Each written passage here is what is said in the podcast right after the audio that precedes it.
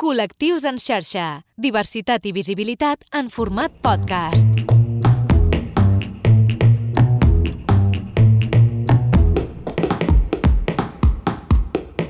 Tal, Manel? Molt bé, escolta'm, 101, eh? 101 programes. Com els dàlmates. No? Ah, en 101? toma. 101 Sí, sí, total. sí, sí, dàlmates, sí, sí, tal qual. Escolta, Manel, saps què m'està ajudant a aixecar-me cada matí ara? Què t'està ajudant a aixecar-te? Twitter, I, Twitter. els, i els vídeos dels, del fatxeria monàrquic volent ser, eh? volent ser republicans de cop i volta. Total, total. Jo no els deixaria desapuntar-se.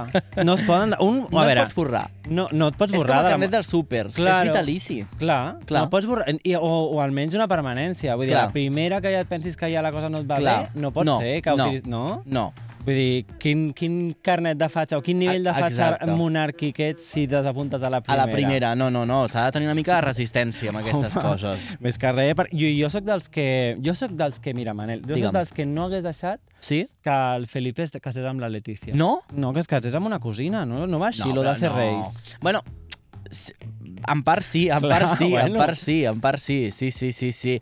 Mm, És que sí, m'estaven passant coses pel cap que estava dir-me, pensant eh? després... Sí, no, no? estava pensant després en els fills i de més... En... Bueno, però a veure, esto, això és el que té ser rei. Vull no, dir, no, si i que si mirem, si mirem enrere i tirem enrere, hi ha unes Clar. coses que dona, però per, per una sèrie. No, és que s'han fet sèries molt bones de totes aquestes uh, històries familiars i aquests vincles familiars, sí, sí. Mhm. De què parlarem avui, Lluís? Perquè hem començat molt potents. Ah, sí. Bueno, parlarem de, de, de la censura. Mm. Parlarem de, de la censura i parlarem amb en Nando López, que el, el, ara mateix el presentarem. Sí, molt però anem a fer l'entradeta, no? Escolta'm, què direm, la o sense la en aquesta, en aquesta No, entradeta? sense la. Sense la, val. Sense. Ho dic perquè no vull ser com el que ho fa malament, saps? D'acord, val, doncs quan censura, vulguis. un, dos, tres, censura. Perfecte. Bueno, amb el col·lectiu, Vale. sí. Vinga, un, dos, i avui el Col·lectius en xarxa Censura. Comença el Col·lectius en xarxa amb Lluís Rodríguez Lago i Manel Ferrer.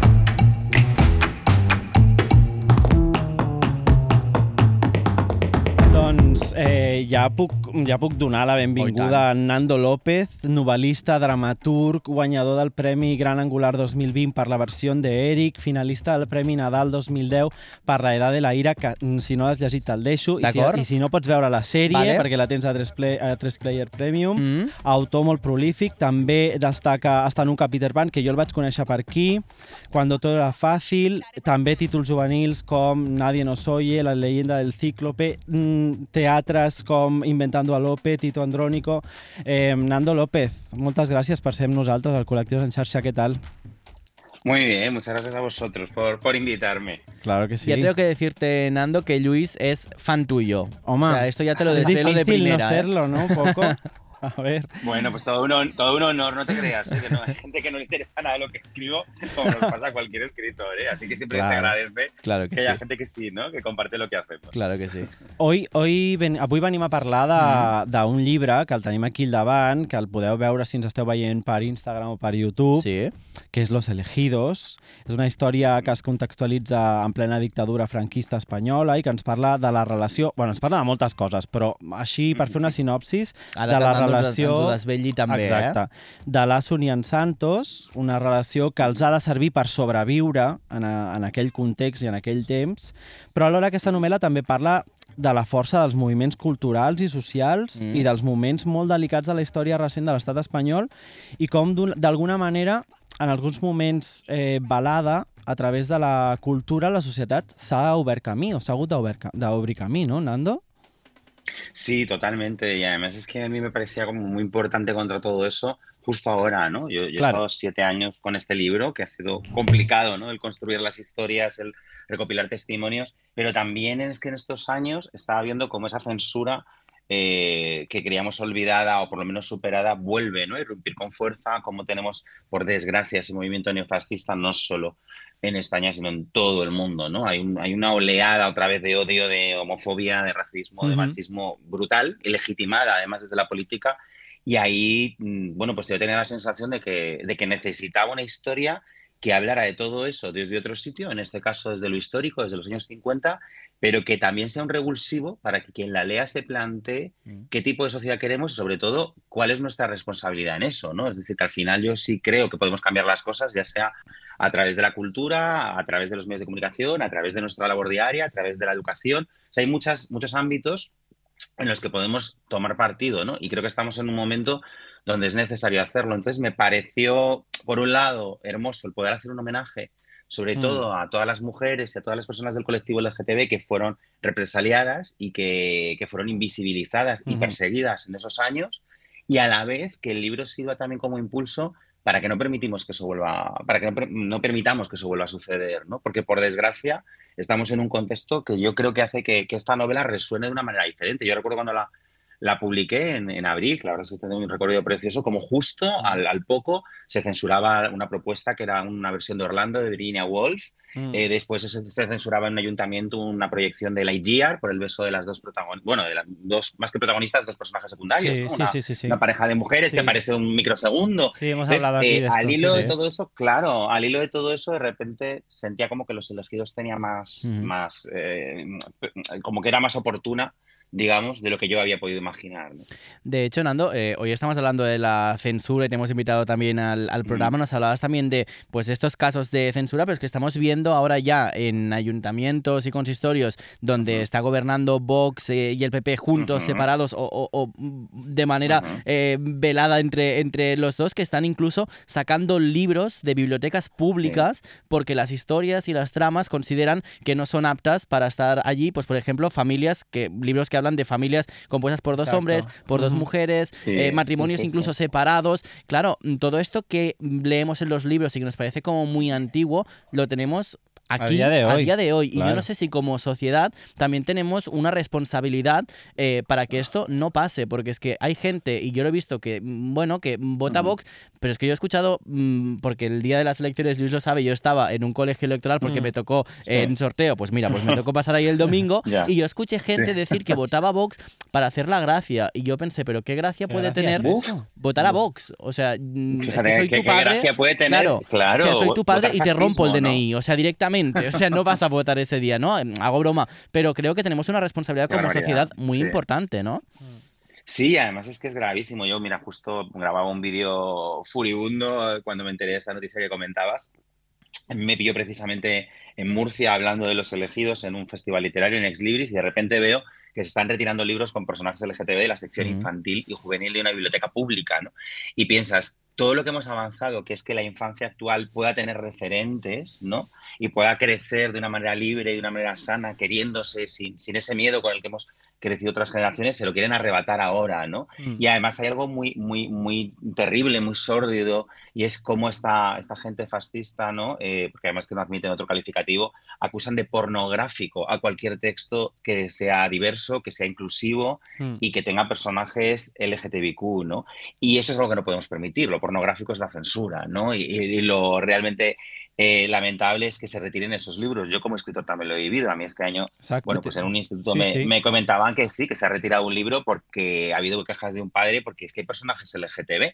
eh, y entonces eso ha hecho que se retire un libro, ¿no? Y, y bueno, yo creo que ahí la responsabilidad, no sé cómo lo veis vosotros, pero la- yo lo que tengo claro es que lo que no podemos es dar pasos atrás. Es decir, a mí quizá también escribir Los elegidos eh, ha sido muy, muy impactante para mí, muy importante porque al contar esas historias de lucha de gente en un momento que ponía el cuerpo de manera literal, Mm. ¿no? Frente a esa violencia, frente a esa persecución, frente a esas cárceles, esos campos de concentración, y que aún así lo estaba haciendo, ahora me parecería muy cobarde que no lo hiciéramos, ¿no? Entonces yo creo que ante eso la respuesta tiene que ser contundente, no solo desde el voto. O sea, a mí me gustaría ver más activismo, me gustaría ver más gente en las asociaciones LGTB, me gustaría ver más gente en las calles y me gustaría que no dependiera todo de heroicidades puntuales, ¿no? De que, como pasó en, en este último caso, la bibliotecaria o el bibliotecario se opongan. Eh, porque es maravilloso ese acto, ¿no? Eh, Claro. como a nivel personal. Pero no tiene que depender todo de que alguien, de repente, en su puesto de trabajo, tenga que hacer frente en soledad a una violencia institucional.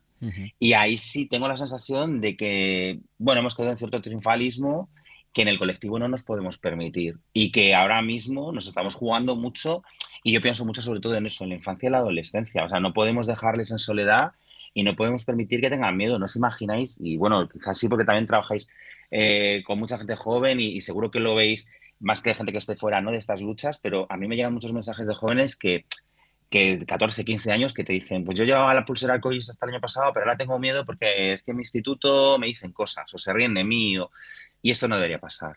no debería ocurrir, ¿no? Y de repente en determinados institutos se plantea si se puede mantener o no la bandera LGTBI a la entrada o hay que retirarla, ¿no? Y ha costado mucho colgarla ahí, ¿no? O se pintan los semáforos con nuestra bandera y se vuelven a dejar de negro, ¿no? Que es una cosa como terriblemente simbólica de lo que quieren hacer con nuestros derechos. Entonces, bueno, creo que tenemos una responsabilidad y, que la tenemos que transformar en acción. Y eso lo echo mucho de menos. Y veo mucha gente demasiado callada y veo mucho oportunismo y mucho pinkwashing y mucha gente de apoyo al colectivo eh, el mes del orgullo y lo rentabilizo, pero luego en el día a día no estoy viviendo esa implicación ni ese compromiso.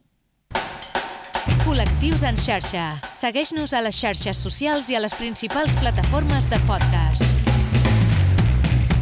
De hecho, Nando, mientras eh, hablabas, nosotros no nos estás viendo, pero vamos haciendo así con Sí, la cabecita. sí, con la eh, pero estoy muy de acuerdo con lo que decías, Nando, porque em, justamente falta que la gente mm, salga a las calles. Porque creo que ha llegado un sí. momento que con el tema de las redes sociales, que son muy importantes las redes sociales, eh, por la actividad que podemos tener en redes sociales, pero creo que subimos un vídeo en redes sociales de un minuto muy enfadados y creemos que este vídeo va a cambiarlo todo. Y sí que es verdad que puede servir para que otra gente se enfade también viendo este vídeo y, y vea que tiene razón, pero Mm. tiene un recorrido ciertamente muy corto.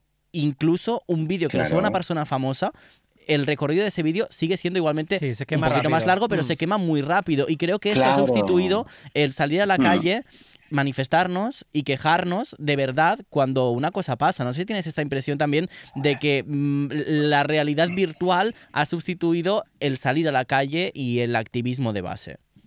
Claro, y yo creo que además son cosas que deberían ser compatibles, Claro. pero no eh, sustituirse entre sí, porque al final algo peligroso esto es que, bueno, dar un like o hacer un retweet no te lleva a grabar el vídeo, sino el retweet en el fondo es muy cómodo y te genera una satisfacción inmediata. Fíjate qué activista soy, que he retuiteado esto.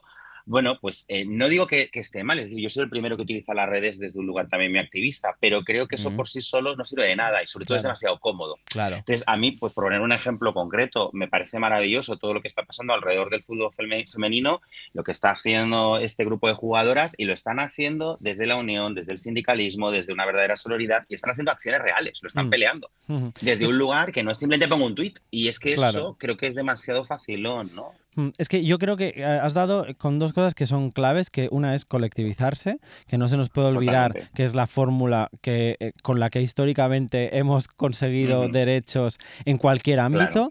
Y la otra parte es eh, un- lo que decías sobre lo simbólico que es eh, y las, las acciones que, que están haciendo, por ejemplo, partidos como Vox y PP, des- de- eh, repintando, por ejemplo, semáforos, Bueno, ¿no? o, quitando, o terrible. quitando bancos. Ya, pero esto se lo cuentas a gente que, que está muy, eh, Mm. muy en sintonía con, con- con el colectivo y con la manera de pensar Sí. y te dices, te, te acaban diciendo, es que son unos bancos, es que son, es que es, es un semáforo. Claro, y no se acaban de dar que- cuenta, claro, no se acaban de dar cuenta de, de- de- de la importancia de lo simbólico, exacto. De la importancia de, No, de ocupar espacios, de la importancia de que, que significa que haya una bandera, por ejemplo, en un colegio o que haya un, eh, que haya un, buen pro- un, un buen proyecto educativo que, que muestre que ese lugar, que Claro. muestre específicamente, ese, no, no que lo dé por hecho, sino que muestre específicamente Claro. que ese lugar es un lugar seguro. Claro.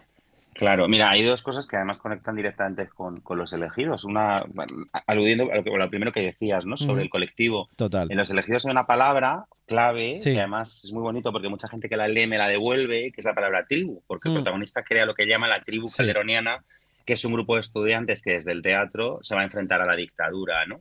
Y al fascismo. Y yo esa palabra la utilizo de una manera muy, muy, muy, muy consciente, porque por un lado aludo a, esa- a esos grupos universitarios que pelearon contra, contra el dictador y que trataron de aportar desde ese lugar, pero también es justo lo que tú decías, es una llamada de atención sobre el poder del colectivo y la necesidad del colectivo, ¿no? Porque sin, sin esa lucha colectiva hoy no tendríamos los derechos que tenemos, ¿no? Y otra cosa que se dice en la novela, que tiene que ver con lo segundo que tú mencionabas, es en un determinado momento donde uno de los personajes habla de que no tiene, no, no tiene el derecho a ser, ¿no? Por, por el mero hecho de ser homosexual, en este momento en que se ha reformado la ley vagos y maleantes, Sí.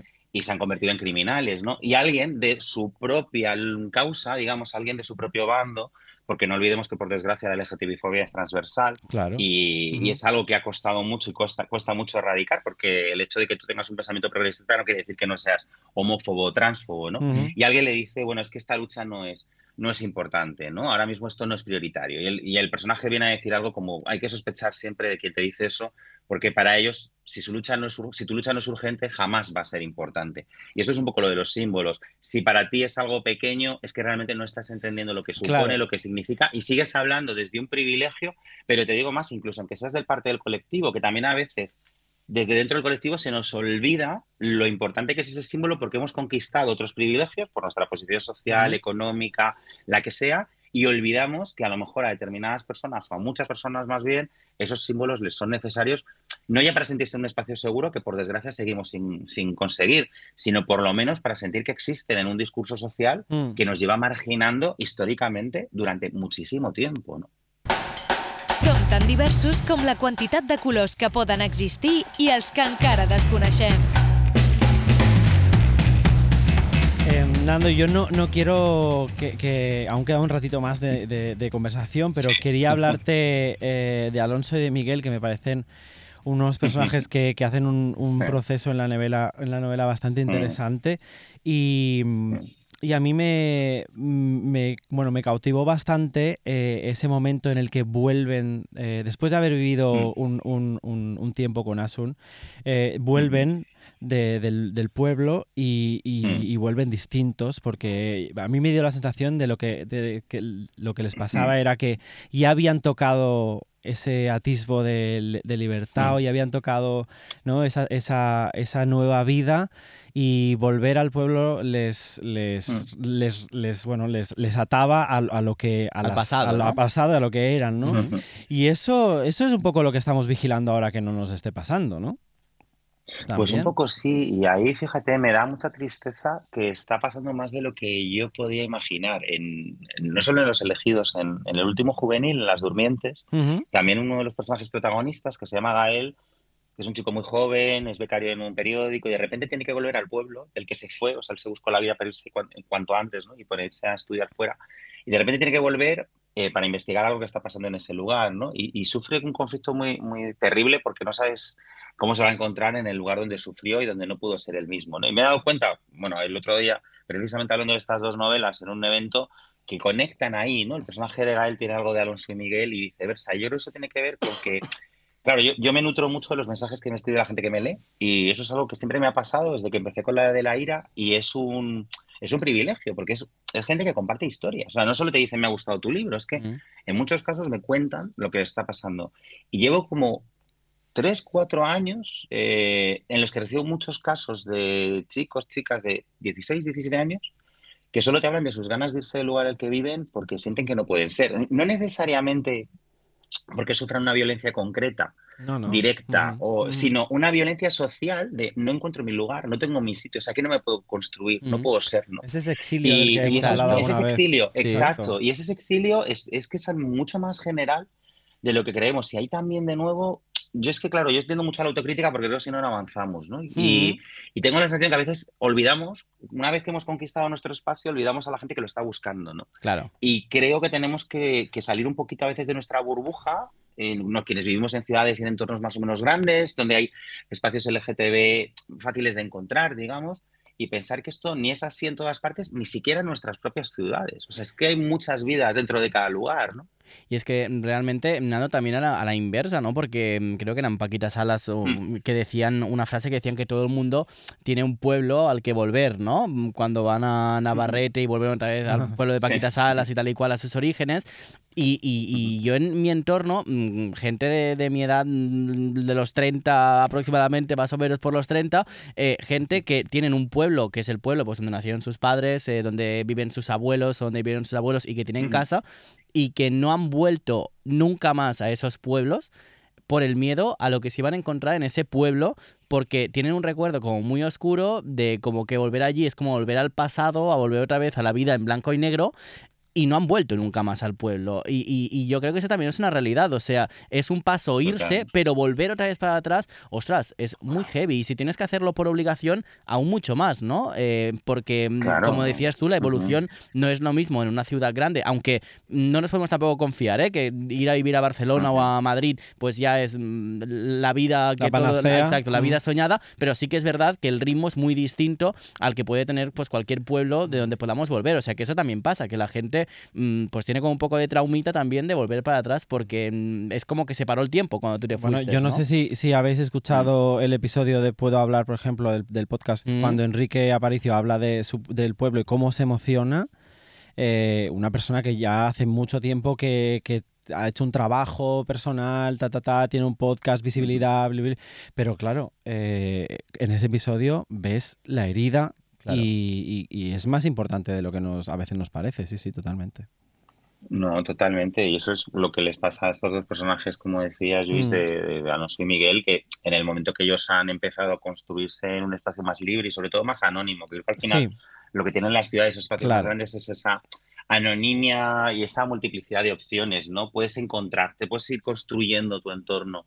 Eh, y sin embargo, cuando vuelven al pueblo, tienen que volver a enfrentarse a ese sitio en el que saben que están vigilados, controlados, en el que los conocen, en el que opinan de ellos y donde además hay una figura terrible que es la figura Sí. paterna.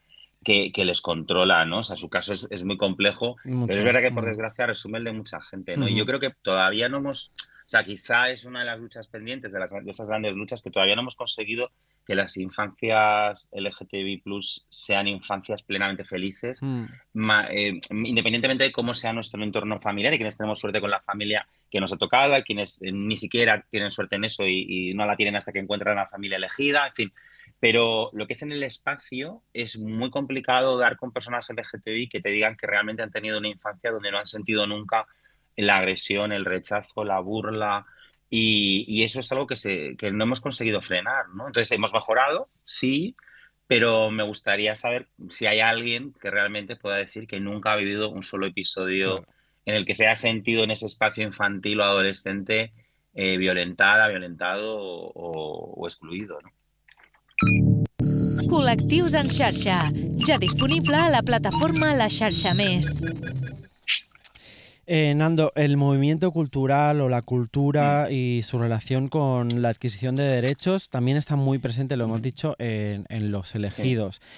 De hecho, eh, el régimen franquista hizo un esfuerzo importante por apropiarse también de la cultura y está pasando, yo he hecho un poco de paralelismo, está pasando con palabras como libertad, está, palabra, nos está Sí. pasando con muchas cosas, Sí. cómo, cómo, eh, ¿no? La- a- los, los extremos o, o lo- el fascismo se hace con vocabulario, se quiere hacer con vocabulario nuestro, Ah, am, o, o- o nuestro, o, Sí.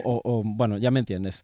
Eh, pero me da la sensación de que está habiendo un cambio generacional en el mundo de la cultura y de los referentes, porque es que nos pasaba el otro día con Javier Coronado diciéndole que a ver Ujú. si va a poder, no va a poder dar un beso ahora o decir lo guapa que está una mujer. Eh, ¿Qué le pasa a esta persona O- que no se está ubicando? O Alaska y Mario, Bueno, que claro. esto me parece, y Mm. siempre lo he pensado, que Mario que- Ma- Vaquerizo es el caballo de Troya, porque nos entró a todo, creo, es en No, los no, medios de total. comunicación. A o mí sea, nos primero, entró. es que yo me, me, Claro, me nos meaba entró de a todo el mundo. Yo salía a todas horas en todos los programas de televisión. Nos hacía como muchísima gracia. Era como súper abanderado del colectivo porque, asumo de ser sin ser del colectivo o sin ser eh, parte activa del colectivo, eh, mm, rompía una lanza a nuestro favor. Y ya cuando todos estábamos subidos en el barco de Mario Vaquerizo, de golpe se saca la capa y sale un- una capa verde, ¿no? Y, y es como, ostras, mm, yo he flipado. Yo o sea, son- tengo que deciros que tengo un amigo que está revisando or- eh, Alaska y Mario y la verdad es que ha envejecido mal. Sí. Yo lo tendré que, yo lo tendré que hacer Mm. por, por el experimento social, pero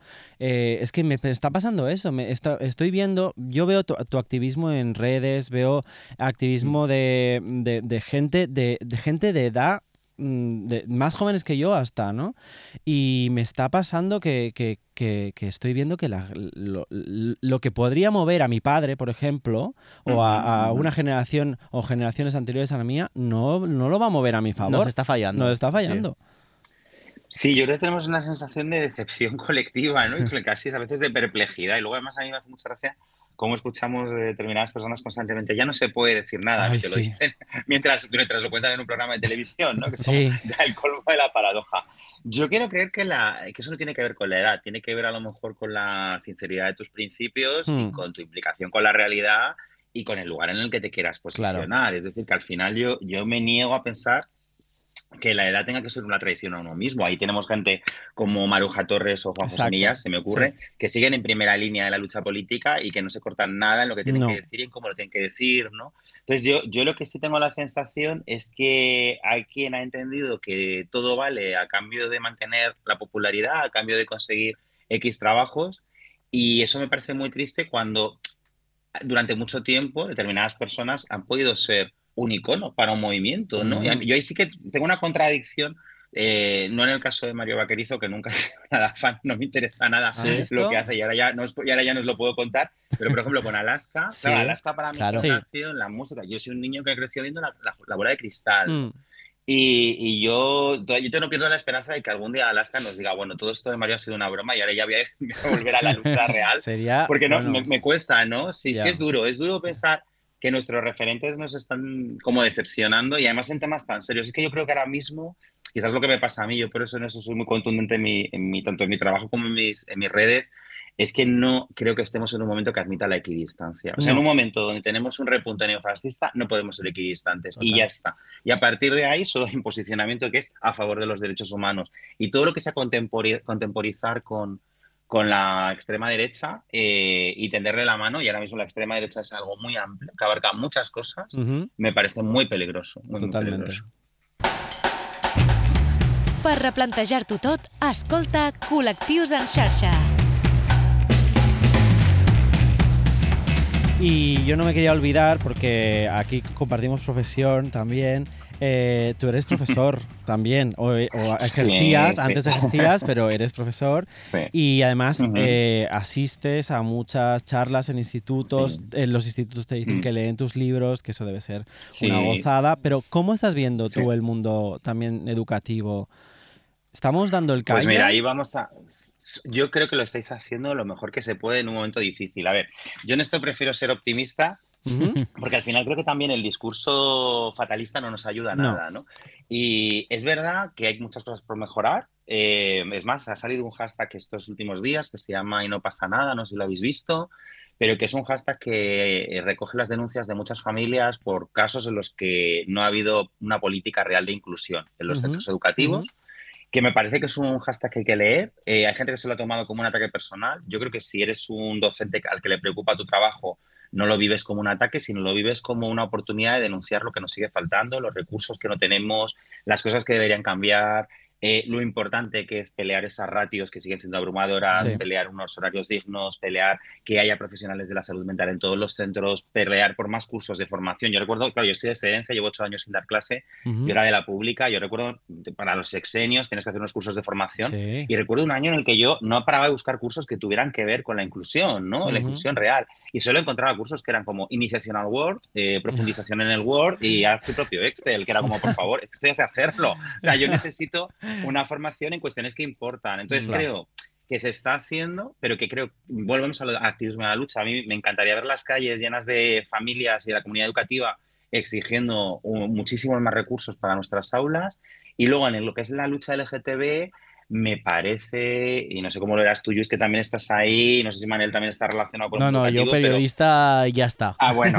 Bueno, pero también es educación. También, que total, en, sí, en sí. medios como también es educación. Sí. Bueno, yo ahí veo cada vez más docentes visibles, cada vez más asociaciones LGTB en los institutos, pero claro, ¿qué ocurre? Que ahora quien quiere que esas aso- asociaciones no estén, que esos puntos violeta y puntos LGT en las bibliotecas Mm. desaparezcan, o sea, pero existen. O sea, si hay quien los quiere quitar es porque existen y si los quieren quitar es porque son conscientes de que están ayudando muchísimo a romper el discurso heteronormativo Mm. y acabar con esos prejuicios. Entonces yo me voy a quedar con que hemos avanzado, que por supuesto que queda mucho, pero en mis años era imposible encontrar mi- libros como los míos cuando yo estudiaba y hoy en día pues yo ahora mismo tengo como más de 200 institutos para visitar por todo el estado de aquí a, a final de curso. Pues nos alegramos imaginaos. mucho que Jolín, esto, que esto pase esto es muy buena y, noticia y que te escuchen mucho los niños, niñas y también los adultos que como decíamos eh, no podemos ser neutros en muchas No. cosas, tenemos que No. formar parte y ser nada. parte activa Sí, y gracias por sí. haber pasado Nando hoy por el colectivo de Ensarse para hablar con nosotros este ratito.